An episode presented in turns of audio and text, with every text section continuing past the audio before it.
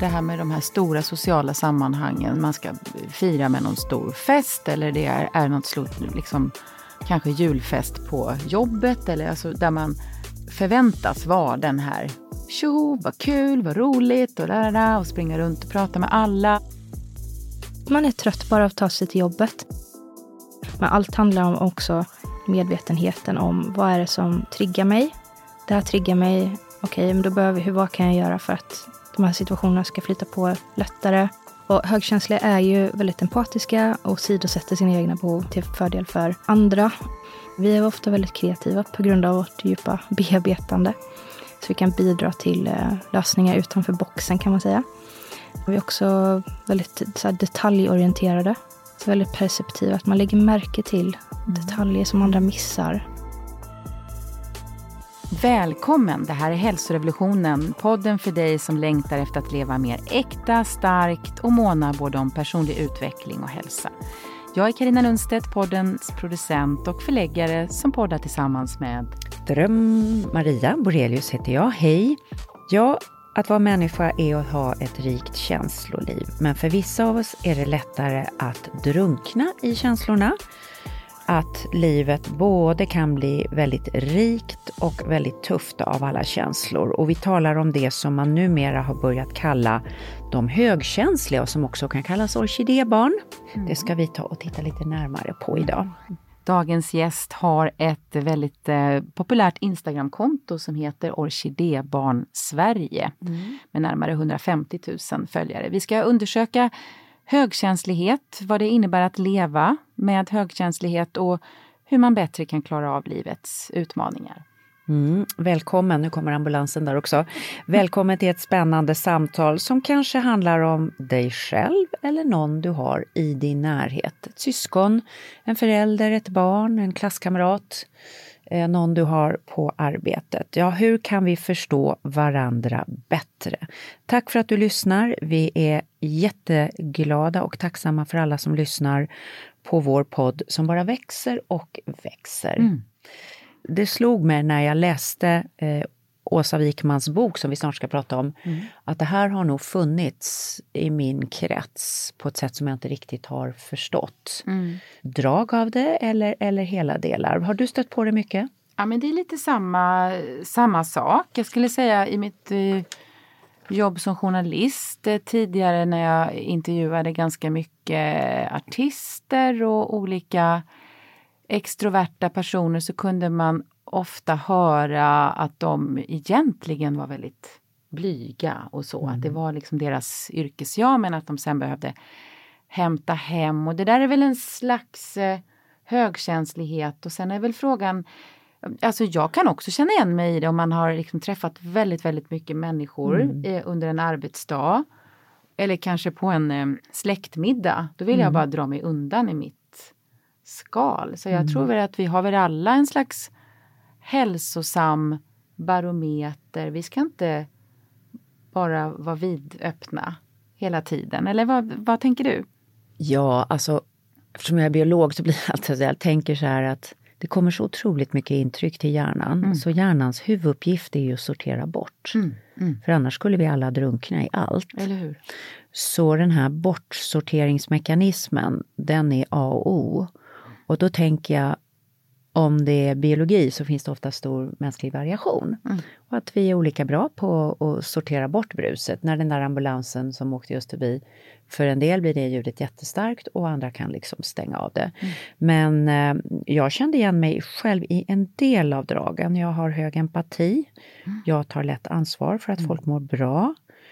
Men däremot så tycker jag väldigt mycket om att, att bli kramad och sådana saker. Mm. Och det ska höra lite med oss om det. Mm. För att man, det här att vara lite känslig för för mycket beröring och ljus och ljud. Och jag har gärna på mig för mycket parfym. Mm. Vilket jag mm. förstår att jag måste sluta med nu. För mm. att inte utmana alla högkänsliga och bara vara en luktbomb. Men du älskar dina parfymer. Jag älskar mina gå? parfymer. Ja. Jag älskar men jag får liksom hålla i mig. Jag får mm. spruta på mig när jag är själv. Men det här också jag tycker att det är spännande att man börjar prata om Därför att vårt samhälle har varit väldigt mycket så här att mest social är bäst. Mm, verkligen. Eh, mm. Och det jag tycker om med den här boken är att man börjar titta på det lite mer nyanserat. Mm. Att vi faktiskt är olika. Mm. Och det är inte alltid så att the more the merrier, ju mer desto bättre. Utan vi har olika behov och får känna, känna av varandra. Lite det här att sitta i öppna landskap. Att alla kan inte leverera på det sättet heller på jobbet. Så jag tror att det är väldigt välgörande att eh, den här kunskapen sprids som vi ska få göra nu med Åsa. Sen tänker jag bara på en sak också, men det ska jag ta upp med Åsa. Och det är så här att det blir ju allt mer, och flera av oss som nu får diagnoser, man kan vara högkänslig, man har ADHD, eh, man har högfungerande Asperger och så vidare. Och det kommer krävas väldigt stor intelligens av gruppen att vi ska kunna hantera de här förståelsen för varandra. Och vem ska ta ansvar för det i gruppen? Nu liksom veta, ha, där har vi en som har Aspergerbehov, här har vi någon som har högkänslig behov. Vem ska ta den föräldrarollen? Det kanske är vi själva. Så det där samspelet, nu när vi får mer ord på vår olikhet. Det tycker jag är, förstår du hur jag tänker? Det, det, det är en spännande tanke. V- v- Men jag vill tänka att det ibland också kan lösa sig naturligt med allmän medmänsklighet. Liksom, Ja. och, och, alltså det här med de här stora sociala sammanhangen som ja, men man ska fira med någon stor fest eller det är, är något stort, liksom, kanske julfest på jobbet eller alltså där man förväntas vara den här Tjo, vad kul, vad roligt och, där, och springa runt och prata med alla och så. Det, jag tror många kan känna igen sig i det där att man kanske inte alls eh, känner sig hemma i det och blir osäker. Jag tror att man måste, alltså ett tillåtande för att vi är olika, inte kräva att nu ska alla vara med på den här leken eller nu ska alla, utan att det finns liksom eh, valmöjlighet. Och att man själv, vi pratade om det i somras tror jag det var, ja men om man går på någon grillfest eller något, att ja men då kan det vara skönare att sitta i ett hörn och prata med en person ordentligt Ja. om livet Ja. och världens tillstånd eller, vad, Ja. eller kärlek eller vad man nu väljer att prata om. Det är ofta det jag tar med mig när man liksom, istället för att jag han prata med 15 personer. Ja. Liksom. Men det, det är en Så- poäng. Dels att tänka kring sig själv så, men också Låt oss säga att man har någon som är åt det högkänsliga hållet i en grupp och den vill dra sig undan. Inte vill fira jul, vill inte vara med på den här grejen och inte ta det så personligt utan förstå att det handlar om den här människans behov av att kunna ladda. Så på så sätt är de här verktygen väldigt bra. Att, lyssna in liksom. Vad Ja. känns okej och, vad, och vad, vad känns inte okej. Man, man kanske kan skruva lite grann ja, på upplägget så att det känns bättre. mm.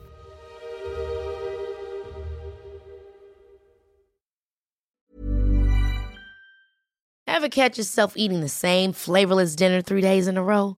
Dreaming of something better? Well, HelloFresh is your guilt free dream come true, baby. It's me, Gigi Palmer. Let's wake up those taste buds with hot, juicy pecan crusted chicken or garlic butter shrimp scampi. Mm. Hello Fresh. Stop dreaming of all the delicious possibilities and dig in at HelloFresh.com. Let's get this dinner party started. Hey, it's Ryan Reynolds, and I'm here with Keith, co star of my upcoming film, If, only in theaters, May 17th. Do you want to tell people the big news?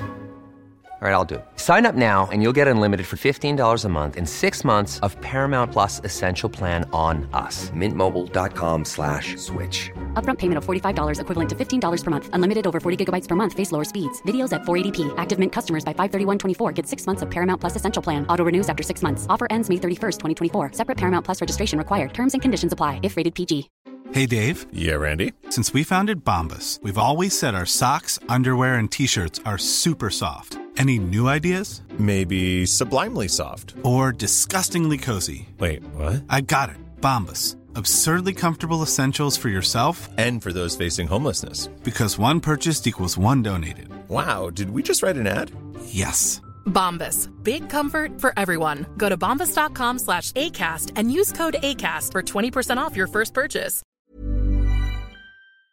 Nu är det så här att vi har Åsa Wikman här i studion med oss. Hej! Hej. Välkommen! Författare till Handbok för högkänsliga Omfamna din styrka, sårbarhet och orkidébarnet inom dig.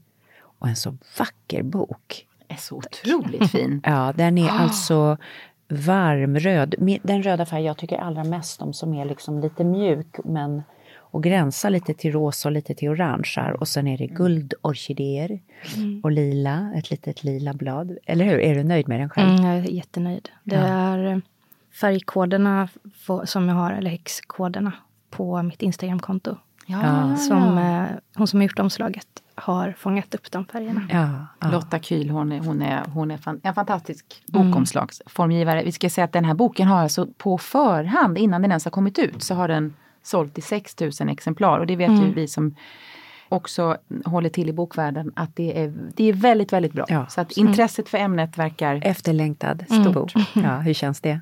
Det känns fantastiskt. Ja, Lite ja. overkligt. Ja. Lite överstimulerande.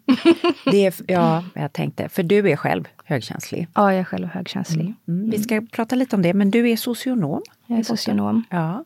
Och du är konstterapeut. Ja, Ja, kan man ja, säga. Och du är nu författare till den här boken och har, driver det här stora kontot.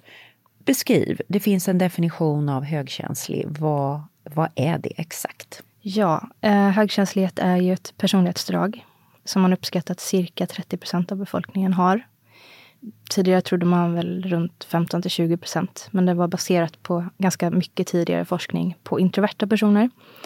Eh, Så upp till 30 procent av befolkningen är högkänsliga och det innebär då, det här personlighetsdraget innebär att vi eh, är extra känsliga för vår miljö. Att vi tar in väldigt mycket stimuli, eh, att vi lätt blir överstimulerade. Vi påverkas mer av vår omgivning än person som inte är högkänslig gör. Det kan man säga är grunddragen i det. Sen så finns det vetenskaplig, en vetenskaplig term för högkänslighet och det är sen- sensorisk bearbetningskänslighet. Så vi är känsliga för de, alltså våra, det sensoriska, alltså sensoriska stimuli. Så Det är väl kanske det mest kortfattade svaret jag kan ge. Och jag sitter här och bara, alltså, jag måste fråga, får Mm. man ha parfym bredvid dig? För det var det jag liksom pratade med Karin. ja, det är så generellt det där. Det är väldigt generellt. Jag skriver ju på min Instagram och i min bok eh, att vi är känsliga för dofter, Mm. starka dofter. Alltså jag tycker om vissa dofter, får gärna vara starka. Det är så individuellt det där. Vi är alla individer. Du får, du får lukta på mig här så får du se om jag är godkänd. Kom, nu ska jag sträcka fram min arm. Den Det var en god parfym. ja, det var en god, jag blev godkänd. Underbart. Jag, själv, jag har också parfym på mig idag. Ja. Ehm, men eh, jag har någon, jag ska inte göra reklam för märket, men en sån här lugn parfym. Ja, lite lugn, lite rent Ja. ofta. Ja. Så, så, så ska man tänka. Ja. Och jag har en annan som jag inte kan ha. För då, Då blir det för skrikigt. Liksom. känner jag det hela dagen.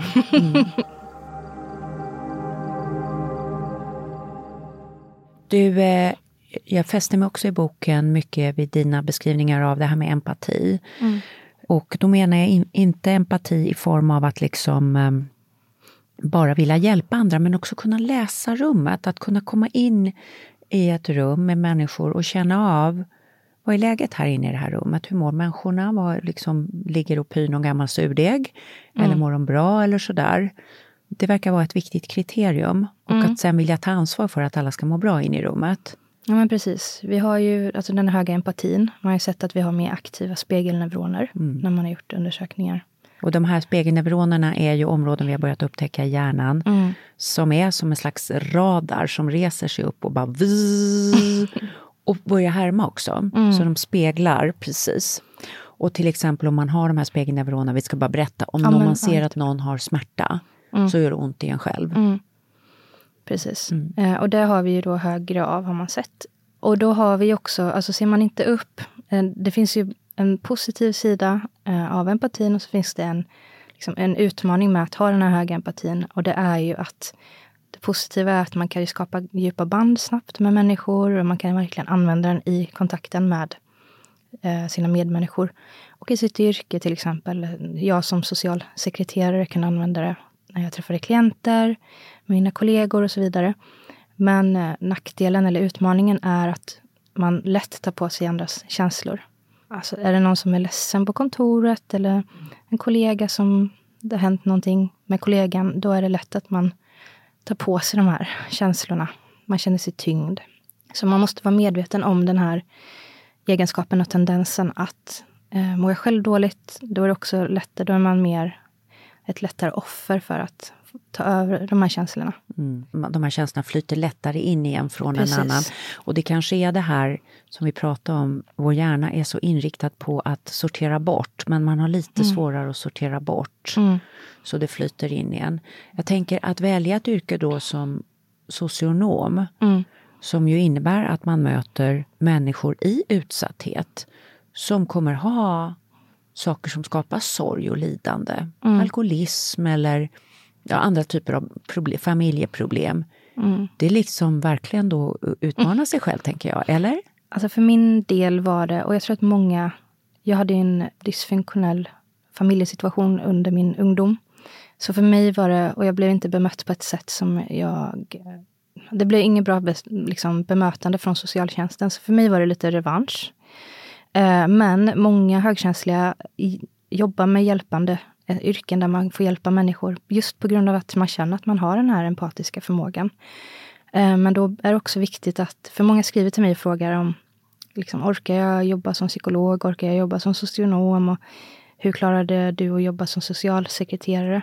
Och det krävs övning och medvetenhet om sig själv för att orka med att jobba med människor i utsatta situationer. Eh, Eh, men jag var så medveten om att psykolog kanske inte passade mig för att jag pratar väldigt Jag tycker om att prata. Jag kan inte sitta och lyssna bara. Eh, så att man, man, det viktigaste då är att man har medvetenheten om ens utmaningar.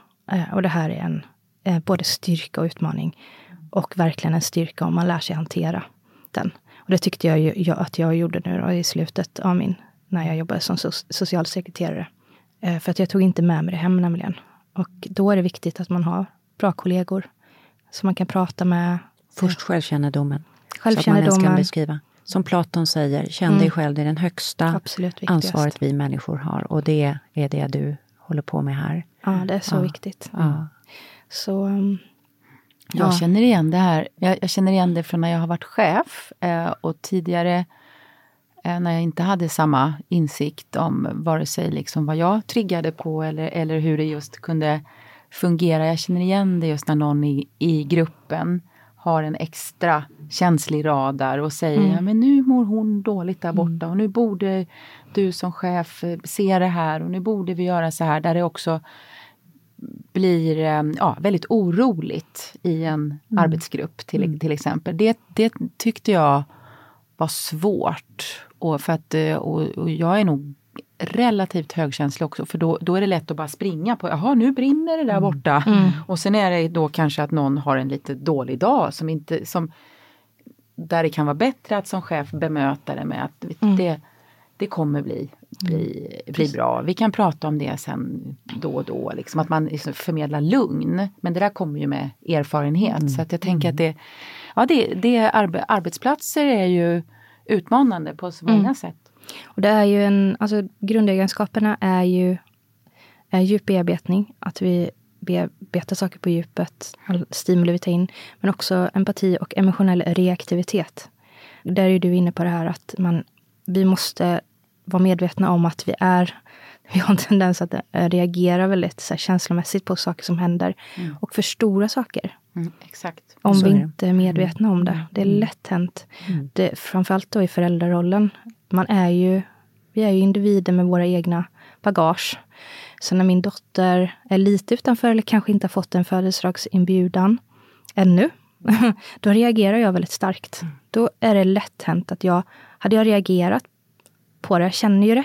Så här, men då känner jag min ensamhet och utanförskap som jag har känt många år. Och det är lätt hänt att man reagerar på det där och agerar och liksom lägger över mina känslor på henne.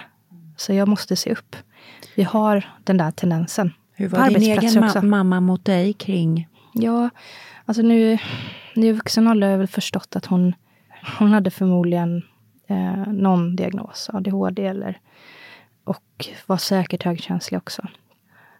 Ja, hur var hon mot mig? Alltså det var dåtidens föräldraskap. Ganska auktoritärt. Men hon gjorde väldigt många bra saker utan att tänka på det tror jag. Vi var ute i skogen mycket med djuren, vi red väldigt mycket. Eh, Jag gick aldrig på fritids, hon var hemma. Hon gjorde liksom så att jag inte var överstimulerad och fick den återhämtning jag behövde. Förmodligen utan att tänka på det. Men det var inte så mycket sådär prata känslor eller vara nära varandra. På ett annat sätt På försökte ett annat hon sätt för kompensera. henne. Mm. Så att, Jag tänker på det också idag för att barn börjar på dagis tidigt och eh, det är långa dagar och det blir så för att eh, vi arbetar mycket. Eh, och jag tänker, jag har ju fyra barn själv. Två av dem som är lite mer känsliga tyckte aldrig om att gå på dagis, ville gå hem tidigt. Och de två som är lite mindre känsliga bara älskade att vara där, ville aldrig gå hem. Så vad tänker du, är det här medfött? De här egenskaperna eller blir vi fostrade in i det här av vår miljö? Vad tänker du? Eh, det, är faktiskt, det finns forskning. Så jag fick ju massa frågor av er. Det här måste jag bara säga, för det är verkligen ett högkänslighetsdrag också.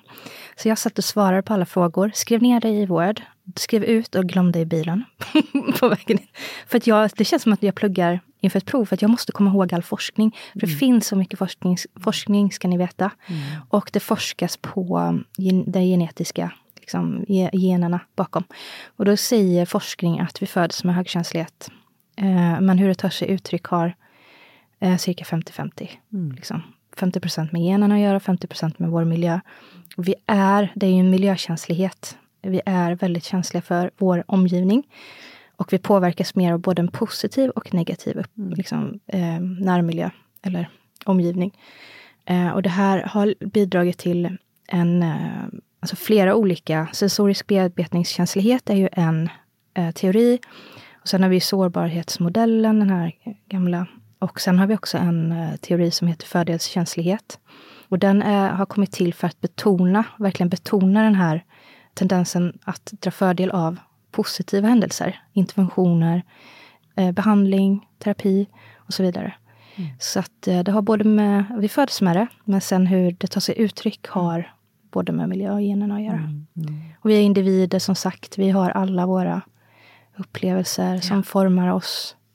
Så, så ligger ju mycket av den genetiska forskningen nu att det, man har anlag för saker, eh, vissa.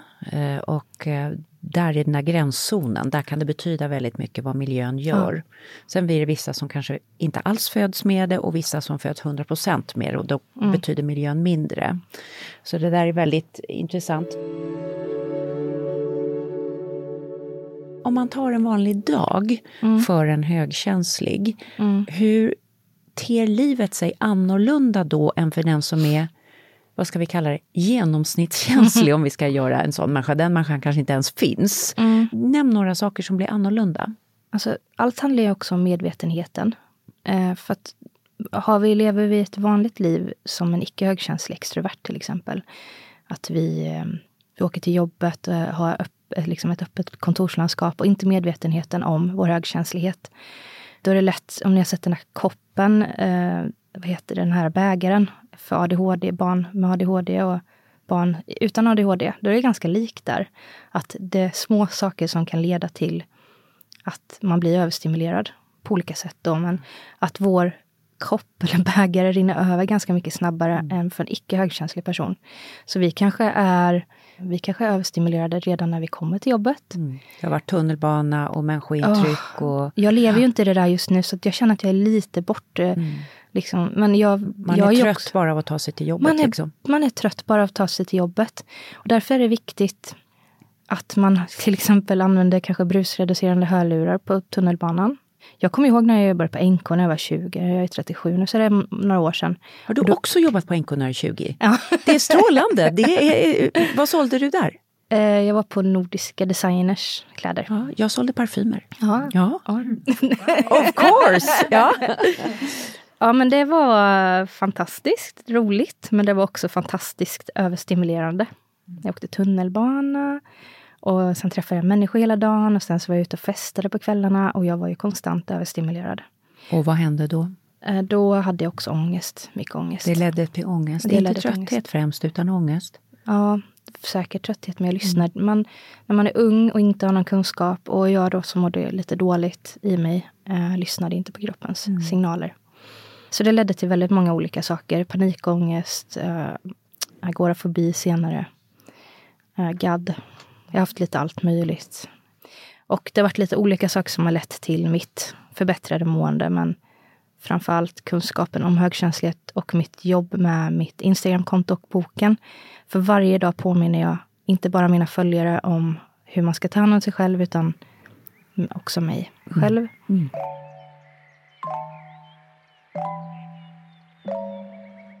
Jag tänkte vi bara skulle växla några ord om lilla amygdala. Mm. Som är spännande liten mandel. Det betyder ju mandel på grekiska, va? Ja, mm. tror det. Och eh, varför är amygdala viktigt i hela den här eh, känslohanteringen? Amygdalan, man har sett i eh, studier på hjärnan att amygdalan är mer aktiv hos högkänsliga personer. Och det är just känslocentrum. Mm. Vi kan ge, ska vi ge en bild för, så alla förstår vad amygdala är? Ja. Om jag ställer frågan, var var du när du fick höra om 9-11? Kommer du mm. ihåg det Karina? Ja, absolut. Jag var på eh, resväskeavdelningen på NK. På NK, ja. ja. Och Åsa, kommer du ihåg det? Höggravid. Ja, höggravid. Du var höggravid. Och var, var var du? Jag var på gymnasiet då. Var, kom ja. hem och satte mig framför tvn och kollade på tonen. Mm. Jag kommer också ihåg Så exakt. alla kommer ihåg ja. exakt. Och jag var på ett styrelsemöte i Skåne när vi fick de här signalerna. Ja. Så att jag tror att alla ni som lyssnar kommer ihåg det och det beror på att amygdala vet, det är vårt lilla centrum som snabbt tar in om någonting är farligt och snabbt tar in jättestora hot. Och, och det här upplevdes som ett så stort hot över hela världen. Så alla kommer att komma ihåg exakt vad man gjorde. Mm. Därför att amygdala är högaktivt då. Så man kan säga det är ett första centrum för känslobearbetning. Då är det amygdala som är igång och sen har jobbat med vår, vår minnesbank. Så då förstår man hur viktigt amygdala är. För det, det blev en sån stark aktivering av amygdala att vi alla kan idag långt senare, över 20 år senare, komma ihåg vad vi gjorde då. Mm. Så där har vi amygdala. Så att om amygdala sprakar ordentligt, då betyder ja. det något för oss. Precis. Och den är ju då, man har sett en ökad aktivering då i amygdalan hos oss. Och det innebär att vi hamnar lätt i, lättare i kampflyktbeteende till exempel. Så det är en ren grej i hjärnan, alltså liksom ja. inte så mycket heller att diskutera. Man kan inte liksom, nej men var inte så jäkla känslig. Nej. nej. det liksom hjälper inte amygdalan, Och då är det ganska skönt att kunna säga att det sitter faktiskt i mina gener. Min hjärna fungerar på det här sättet. Min hjärna och... fungerar så här, jag har det här sättet ja. att tolka information. Ja, precis. Det är värsta som finns när någon säger det. Så, Gud vad du är känslig. Släpp det nu. Kan, kan du inte bara lugna ner dig ja. lite? Och det här är väl inte så farligt? Och... Du överreagerar liksom. Tack, tack för den hjälpen. precis. precis.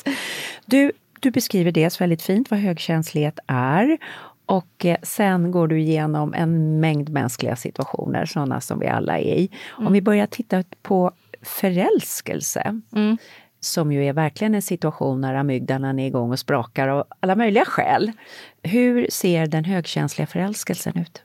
Alltså, um, Elaine Aron då och Arthur Aron, de två har, det är hon som, de som har myntat begreppet. Eh, de har forskat väldigt mycket på just förälskelse och de var så intresserade av just det när de själva förälskade sig. Hon, Elaine då skriver en hel bok om förälskelse och högkänslighet. Och då menar hon att högkänsliga personer förälskar sig djupare och mer intensivt. Och Därför har, att det kanske amygdalan bara är liksom ja. blommar ut. Ja. ja. Och det har väl att göra också med att vi, vi bearbetar ju allt på djupet. Vi, kanske, vi tänker väldigt intensivt om det vi är med om, vilket fördjupar känslorna ännu mer. Mm. Och hon menar också att stimuli är någonting som bidrar till attraktion, vilket gör att vi lättare då förälskar oss också. Mm. Så det är väl det att vi förälskar oss lättare. Jag kan verkligen relatera till det tidigare i livet. Är, det, är du sån också? Ja, men jag var sån innan jag träffade min man. Ja. Nu har jag inte varit liksom, kär i någon annan sen Johan. Mm. Men eh, tidigare blev jag väldigt lätt kär, säger mm. jag då, men förälskad. Mm. Och sen gick det över ganska snabbt. Så du flög in i någons famn? Och... Ja, väldigt snabbt. Mm. Mm. Så jag kan verkligen relatera. Och framförallt om man haft en dålig barndom, menar Elin. Och nu var det lite intressant för att jag kommer faktiskt inte ihåg varför just. Men är man intresserad av att verkligen fördjupa sig i högkänslighet och kärleksrelationer så finns det den här boken, mm. Högkänslighet och, och, och kärleken. Mm. Men du, du pratar också om att högkänsliga lätt kan bli offer för narcissister. Ja. tyckte jag var intressant. Berätta. Ja, men det finns ju en, en man kan säga en parasitdynamik mellan eh, narcissister och högkänsliga. Och högkänsliga är ju väldigt empatiska och sidosätter sina egna behov till fördel för eh, andra. Eh, och det har att göra med att många av oss har dålig självkänsla och just den här empatin att vi verkligen vill att andra ska vara glada. Och, sådär. Så att, och narcissisten är ju tvärtom. Sätter ofta sina, sätter bara sina egna behov framför andras och älskar att få bekräftelse och glänsa i liksom, glänsa. Och då är narcissisten kanske inte letar aktivt förrän efter en högkänslig person, men träffas de här personerna så är det lätt hänt att... Man kan se hur det där blir en ja, ganska dans. dåligt. Ganska Fruktansvärd dans. Det är lustigt när du säger det, Mm. så tänker jag att jag har i mitt liv som journalist stött på en del liksom kändisar Mm. som har en sån människa bredvid sig som jag har känt har varit det jag nu förstår är en högkänslig Mm. och använt den personen som spegel. Mm. Kan det vara så? Ja, absolut.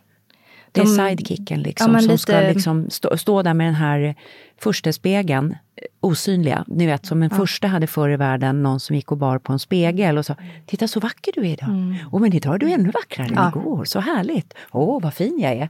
Alltså, som håller den här spegeln. Verkligen, det, var så, det är så bra beskrivet. Det kallas, de kallas för flying monkeys. Har ni hört talas om det? Nej, nej. Ah, nu, jag, nu undrar jag varför jag sa det, för jag kommer inte ihåg exakt varför de kallas för det. Men de här personerna som man har runt omkring sig, som är där och stöttar en och, och ser till att... Tjattrar. Ja, men Ja, håller, uppe hålla den här fasaden. Ja. Och jag stötte ju på en för några år sedan, som jag har svårt att komma undan. Nu ignorerar vi varandra. Hon utnyttjade mig väldigt mycket. Och hela tiden var det så För det här kan ju vara i vänskapsrelationer Ja, också vara och, och professionella relationer. Ja. Men så lade jag märke till att hela tiden söka bekräftelse från den här personen extern. Det var som att jag behövde bekräftelse från, från den här personen. Och den fick jag ju inte alltid. Så helt plötsligt var mitt mående ganska beroende av hennes humör. Eller Mm.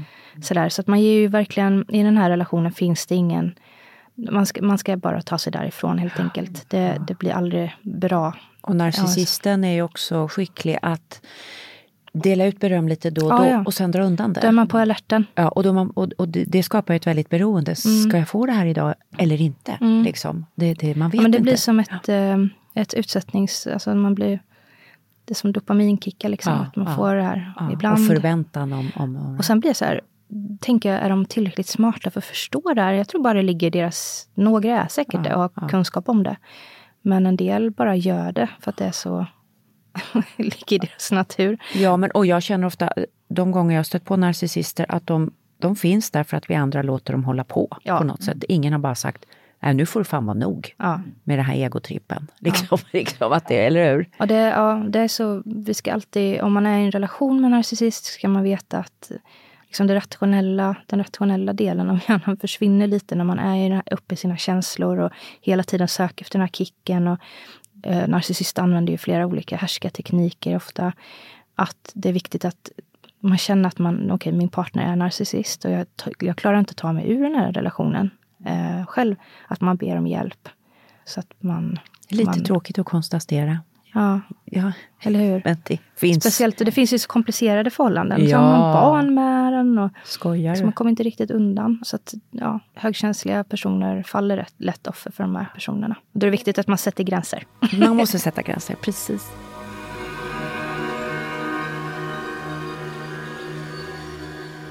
Du pratade om att du själv är mamma Mm. och att vara högkänslig i föräldrarollen. Därför att eh, att vara förälder är ju ibland att behöva stänga av sina egna känslor. Vi, vi har pratat här i podden om, om liksom när man har en treåring som ligger på golvet och inte vill sätta på sig overallen. Då vill man ju bara ställa sig upp och skrika. Eller när man har en tonåring. Har, har du en tonåring hemma ännu? Nej, de är sju och fem. sju och fem, ja. Då har jag i alla fall blivit väldigt utmanad och fått stå och hålla mig i väggen ibland. Ja. Ja, och så att, hur ska man klara av då att ha det här starka bruset inifrån och sen har man faktiskt bara situationer där man bara måste slöjda på och få saker gjorda. Vad kan man tänka då eller göra då? Alltså det är bra att man identifierar de situationerna där det kan uppstå, där de som är extra sköra. Det är oftast eh, morgonen innan man ska åka iväg. Och eftermiddagen eller kvällen efter. Alla är trötta, ja. Ja, man kanske mm, ser till att barnen inte åker jojo i sockernivåer. Att man ger dem en macka när man kommer hem så att de håller eh, sockerbalansen. Man är medveten om sina, vad triggar mig? Ja, men morgonen är så triggande för mig när Alexander till exempel inte vill borsta tänderna. Både jag och Johan kämpar med det här. Vi tycker att det är skitjobbigt. Så att vi alternerar. Okej, nu tog mitt tålamod slut. Nu är det din tur. Okej, nu tog mitt slut. Nu är det din tur. Att man hjälps åt om man är två. Är man bara en person, att man ber om hjälp för att hantera de här situationerna. Men allt handlar om också medvetenheten om vad är det som triggar mig.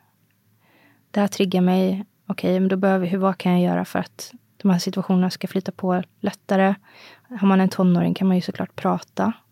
Mindre Det barn. tror du, som har en fem och sjuåring. De, de svarar inte på tilltal jag i, säger- i viss period. Jag säger Okej, Åsa. varför sa jag så? för? Nej, det, det, jag, Nej, jag, nej, jag nej. säger inte för att det är Nej. fel, utan Nej. jag bara säger liksom Mm. Tyvärr är Inte det alla, men det är vanligt. Nej, det är när de är som jobbigast och pratar de inte eller bara säger konstiga saker. Och, eh, Vi har gjort så- ett avsnitt om detta som eh, precis har släppts. Och det är ju Lena Skogholm som har skrivit en jättespännande bok om Ja. tonårshjärnan. Ja. Så det, det kan vi, ja då, då kan man vet. gå in där. Ja. ja, hon är världens gulligaste. ja, hon är väldigt fin, väldigt fin. Jätte, jättefin. Jättefin, jättefin. Det? Men medvetenheten, Medvetenheten. Att, att identifiera de här situationerna man flippar. Alltså ha en eh, miljö hemma, en miljö där man ger barnen förutsättningar för att faktiskt kunna återhämta sig. Mm. Medvetenheten helt enkelt är absolut... Är, är, är ja. grunden, ja. är Okej, verkligen- nu är det liksom, Alexander vill aldrig borsta tänderna på morgonen till Nej. exempel. Då börjar vi prata om det. Och så, det är lätt hänt att jag hamnar i, så här, i känslosvall på morgonen. Och då säger jag dumma saker som det finns tandtroll. Det vill jag inte säga. Jag känner det när jag säger det. Han, men han tror inte på det. Han är så smart. Det finns inte alls. Men jag ska kolla om det finns några, säger jag då, i, uppe i, i varv. Liksom. Då kan jag ju tänka så här efteråt att okay, det där var inte bra. Jag ska inte hota med tandtroll. Hur kan jag göra istället? Att man hela tiden rannsakar sig själv. Och sen också vara snäll mot sig själv. Att okay, jag tappar tålamodet. Jag kan faktiskt be om ursäkt om jag säger något dumt. Min dotter är ju som en, hon liksom flaggar direkt om man trampar, över, alltså gör ett övertramp och säger någonting som inte är okej. Nu säger inte jag, alltså jag säger inte så dumma saker, men om man säger någonting som hon... Nej, men det är all, i alla familjer Alla kan det är- sägas eh, knäppa grejer när man är Ja! stressad och sådär. Också Det vara snäll mot sig själv. Okej, jag är ingen dålig mamma bara för att jag tappade tålamodet Nej, här nu. nej. Så att, Var, är di, var ligger din man på skalan låg, lågkänslig. perfekt match? ja, introvert, lågkänslig. Vi Introvert, lågkänslig. Ja. Så du kan prata med honom då i lite lugn och ro efteråt och säga, ah, men nu flippade jag, nu blev det tandtrollen igen. Och, Ja. Mm. ja men han är min motpol. Men han kan ju också tappa tålamodet såklart. Mm. På morgonen är alla... Ja, men man är stressad och sådär. Men att skapa förutsättningar, man, man pratar tillsammans som partners. Om man inte själv, då får man liksom prata med någon nära. Någon Mm. annan nära. du, arbetsplatsen, Mm. då är det ju så att på vissa sätt är ju högkänslighet en slags superkraft som du skriver Ja. om. På, så på vilka sätt är det otroligt fint att ha högkänsliga med sig i teamet? Alltså framförallt på grund av empatin. Att man verkligen, ofta är man medlare, att man kan eh, se till att människor, man vet vad människor vill ha, behöv, eller vad människor behöver för att må bra och trivas. Och man kan skapa en väldigt trivsam miljö på arbetsplatsen. Vi är ofta väldigt kreativa på grund av vårt djupa bearbetande. Så vi kan bidra till eh, lösningar utanför boxen kan man säga. Eh, vi är också väldigt så här, detaljorienterade. Så väldigt perceptiva. Att man lägger märke till detaljer som andra missar. Och det kan verkligen vara en fördel i många yrken. Jag kan säga, när jag var socialsekreterare, då, som jag var sist här nu. Då kunde jag lägga märke till när vi placerade barn att med små detaljer i rummen liksom, att, som man kunde börja prata om. Och jag, jag lade märke till eh, kanske en blick för mamma eller något annat. Jag kunde känna saker som ingen annan kände eller lade märke till. Och så kunde jag använda det sen när jag pratade med barnet. För att få barnet att känna sig tryggare. Alla barn har alltid suttit i min, mitt knä när jag har haft barnsamtal också. Så man är, jag tror att många högkänsliga har den här förmågan att verkligen connecta med människor och använda det här detaljseendet. Eh, nu pratar jag ju bara om just de här yrkena, de här hjälp, hjälp människovårdande yrkena. Men Är, är det så att om man är högkänslig ska man välja ett sånt yrke som är människovårdande? Eller, eller kan man, kan, får man jobba på posten också? Alltså förstår du, måste man bara bli inom den sektorn? Eller nej, jag tror att vi kan bidra till mycket på alla arbetsplatser. Sen kanske inte jag hade valt, jag hade inte valt att jobba som ambulanssjuksköterska till exempel. Så här, jobba på natten, stressigt. Polis i, i eh, utanförskapsområden. Ja. Kanske inte bästa jobbet heller. Har man jobbat mycket med sig själv och liksom kan ta hand om de här äh, egenskaperna, då och har dem som styrkor, då, då kan man säkert göra det. Vi är alla individer. Ja. Men eh, jag har jobbat på posten. Mm. Och typ bland de värsta jobben jag haft. För att det var inte någon intellekt... Jag behöver mycket intellektuell stimulans. Eh, och det var absolut ingen. Och det var bara stressigt. Man skulle vara jätte, jättesnabb och sen skulle man ut och cykla med alla breven. Springa, det var bra träning. Men, och sen så... eh, Allt var bara stress. Stress, stress, stress. För, och för hög stress, ja. fritt spelrum för tankarna också. Mm. Mm. Man behöver, ofta, många av oss behöver en djupare mening också med våra liv. Kanske alla människor, eller många människor, och icke högkänsliga också. Men Elin pratar om att högkänsliga framför allt behöver det här för att må bra i sig själva.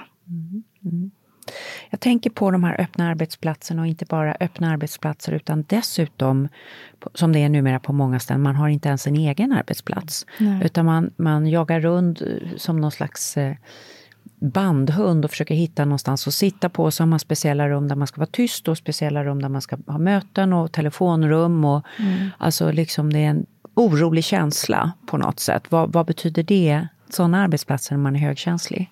Ja, men det är en utveckling som är, alltså den är, drivs av icke högkänsliga personer, definitivt. Vi är ju inte normen. Alltså ett öppet kontorslandskap är inte idealt för en högkänslig person, för att vi utsätts för så mycket stimuli. Det är personer, det är inte bara liksom ljud. Jag satt ju, nu sist jobbade jag på ett öppet kontorslandskap. Hela kommunhuset är ju typ ett öppet, en öppen sal kan man säga. Men sen finns det ju områden där man ska vara lite tystare, men folk respekterar ju inte riktigt det. Och sen är det ju inte bara ljudet, utan det är rörelser, det är liksom man hör att någon är arg eller någon är ledsen. Man känner att nu kom hon förbi här. Hon har ju... Så börjar man tänka så här att hon mår dåligt för hon tar på sig alldeles för mycket. Och sen så liksom man tappar fokus så lätt. Man blir så himla lätt överstimulerad. Så jag skulle vilja säga att okej, många kanske trivs i den här miljön. Men jag tror att, och många, jag vet inte vad studier säger, men mina kollegor blir ganska ineffektiva. För de pratar ganska mycket med varandra. Ja. Ja, Jag vet inte. Jag är för att sitta mer slutet då. Eh, och 30 procent av, av, i genomsnitt och 30 procent av eh, ens kollegor är ju högkänsliga. Och då är det kanske viktigt att man vågar säga ifrån att Ja, vi verkligen. behöver något i slutet av utrymme. Att, liksom, eller i alla fall att vi har hybridarbete, att man kan jobba lite hemifrån om man har kontorsarbete. Då. Det gör ju jättemånga fler idag. Ja, men det kanske också, man har pratat, det, det här kanske är en drivande faktor. Att det blir för mycket stim, alltså, och om man ska få också fokusera på att få saker gjorda där man behöver tänka efter, så är det Ja. för komplicerat. Man har alltid den här grannen som bara... och jag kanske också är det ibland. Liksom, jag kommer på någonting, Åh, så får jag lite feeling. Ska jag säga något, till, Mm. något roligt till en kompis eller en granne. Äh, granne eller kompis, jag menar kollega. Som sitter bredvid mig. Och sen helt plötsligt har man pratat 10 minuter, en kvart, 20 Ja. minuter. Ja. Och sen kommer man tillbaka. Och sen är det den här tid, ställtiden och liksom komma in i materialet igen. Ja, det är Nej, jag är inte alls för. Det är fint och det är väldigt så här, estetiskt tilltalande. Det är jättefint i det där kommunhuset som jag jobbar i. Men jag tyckte om kontoren som jag hade till exempel i Huskvarna. Jag jobbade där. Kan jag stänga in mig. Jag kunde sitta och jobba där i lugn och ro. Behövde inte känna att någon kommer och pratar. Två stycken står och pratar bredvid mig. Förstår dig, förstår dig. Dofter. Doftar den här parfymtjejen som kommer, som har jobbat på NKs parfym och luktar som en hel parfymbod. väldigt, fast du luktar väldigt gott. Ja, vad bra.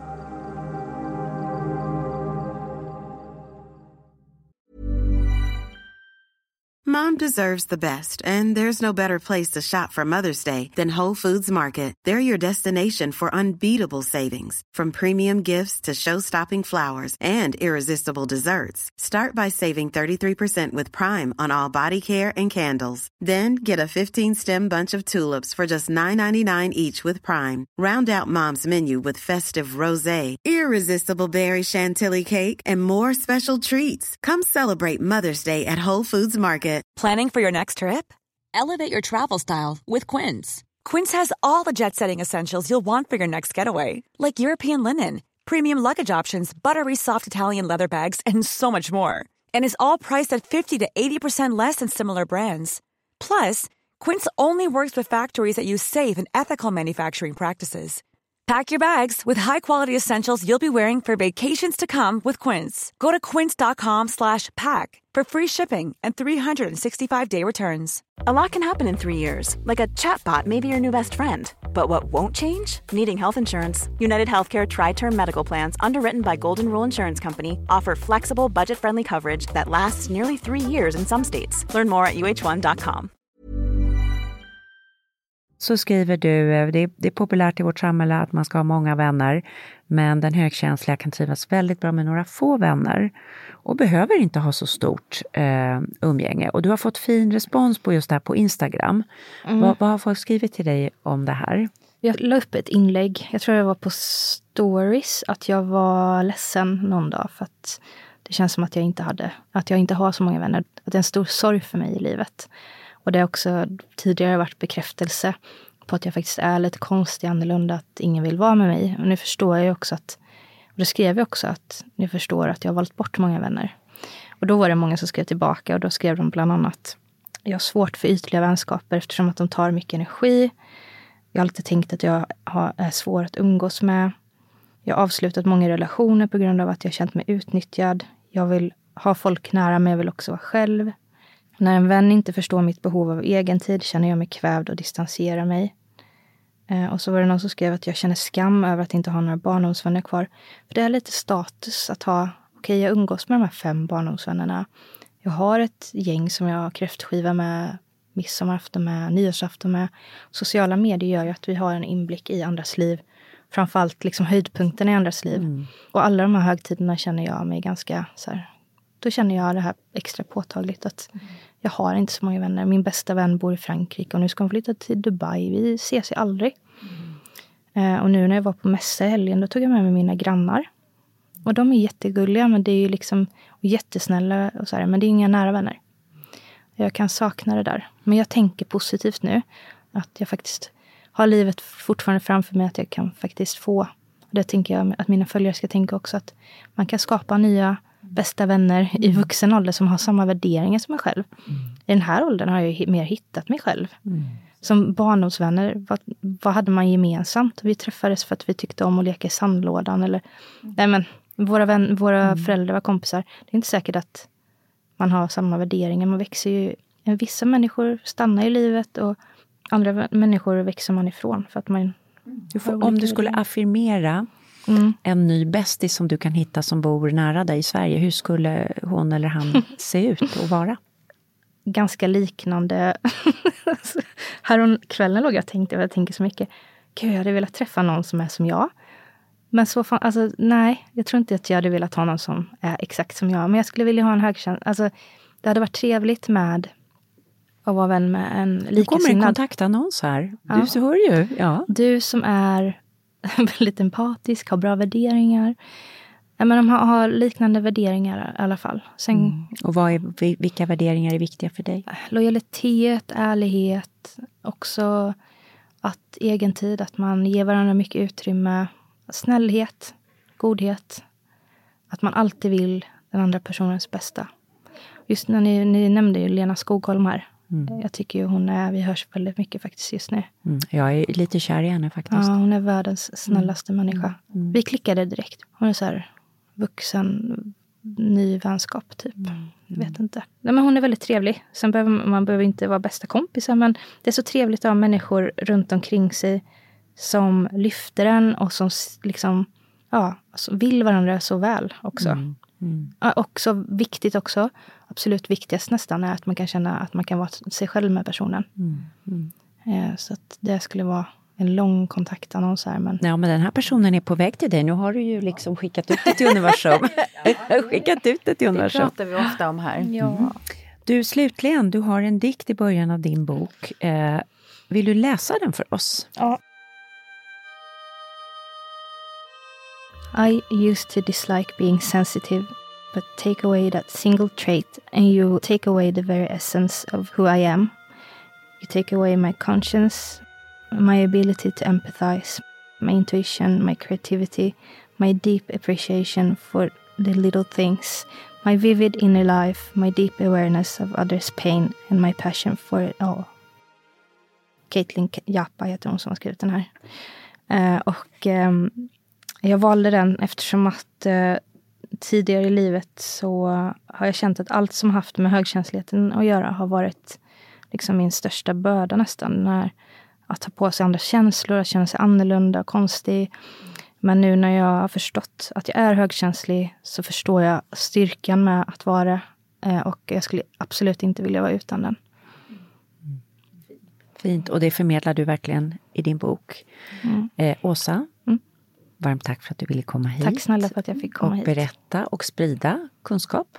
Tack. Och insikter om, om livet som högkänslig. Jag önskar dig varmt lycka till med allting med boken. Tack så mm. jättemycket. Ja. Ja, vi har talat om mental balans och känslighet med Åsa Wikman, författare till Handbok för högkänsliga. Och eh, vi tänkte gå vidare lite med det här. I Kalifornien så finns det ett känt uttryck som lite på skoj brukar säga det finns inga problem som inte kan botas med yoga, stranden och avokadon. Och det är naturligtvis inte så enkelt, men det är lite kul ändå. Och avokado får då bli veckans växt.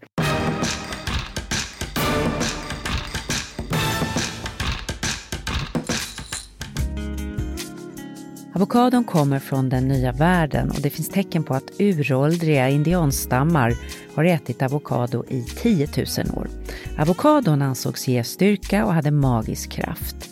Maya-indianerna skrev till och med sin fjortonde månad med samma skrivtecken som avokadon, så viktig var den. Det är helt klart att avokado, eller Persea americana som det också heter på latin, är supermat. Där finner vi väldigt bra fetter, fibrer, polyfenoler, 20 vitaminer och mineraler. Och man har visat att de som äter avokado regelbundet får i sig mer fibrer, E och K-vitaminer, magnesium och kalium än sådana som inte äter avokado så ofta. Och nu ska vi kombinera det här med lax. Lax är också supermat och där finner vi två typer av omega-3-fetter, dels DHA och dels EPA och där man har länkat intag av omega-3-fetter till en lägre risk för depression. Det ska vi göra något som jag precis har blivit förälskad i och håller på med nu hela tiden, ceviche. Och det blir en ceviche med avokado och vårlök. Så enkelt och så gott. Du behöver 30 gram laxfilé och vill du lyxa till det så kan du ta Selma-lax som ju är av sushi-kvalitet och annars går vanlig laxfilé fint också. En halv lime, pressa ut juicen, två matskedar vit balsamvinäger, en halv deciliter olivolja, två avokado, en rödpeppar, tre stycken vårlök och att garnera med så använder vi färsk koriander. Börja med att skära laxen i små kuber. Häll på lime, balsamvinäger och olivolja. Klipp vårlöken i tunna, tunna strimlor ner i laxröran. Sätt på lite gladpack och ställ in i kylen minst en timme för att laxen ska bli marinerad. Nu skär vi avokadon i kuber och skär rödpepparn i tunna strimlor.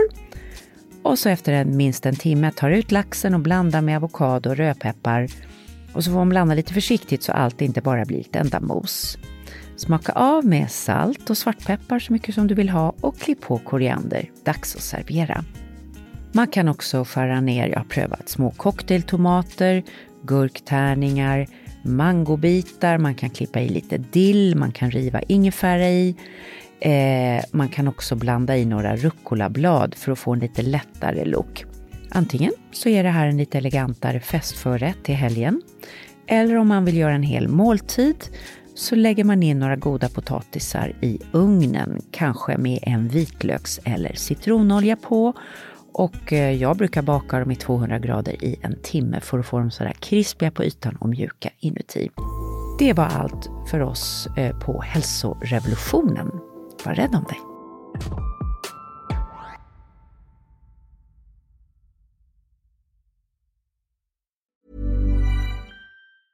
Mom deserves the best, and there's no better place to shop for Mother's Day than Whole Foods Market. They're your destination for unbeatable savings, from premium gifts to show-stopping flowers and irresistible desserts. Start by saving 33% with Prime on all body care and candles. Then get a 15-stem bunch of tulips for just $9.99 each with Prime. Round out Mom's menu with festive rosé, irresistible berry chantilly cake, and more special treats. Come celebrate Mother's Day at Whole Foods Market.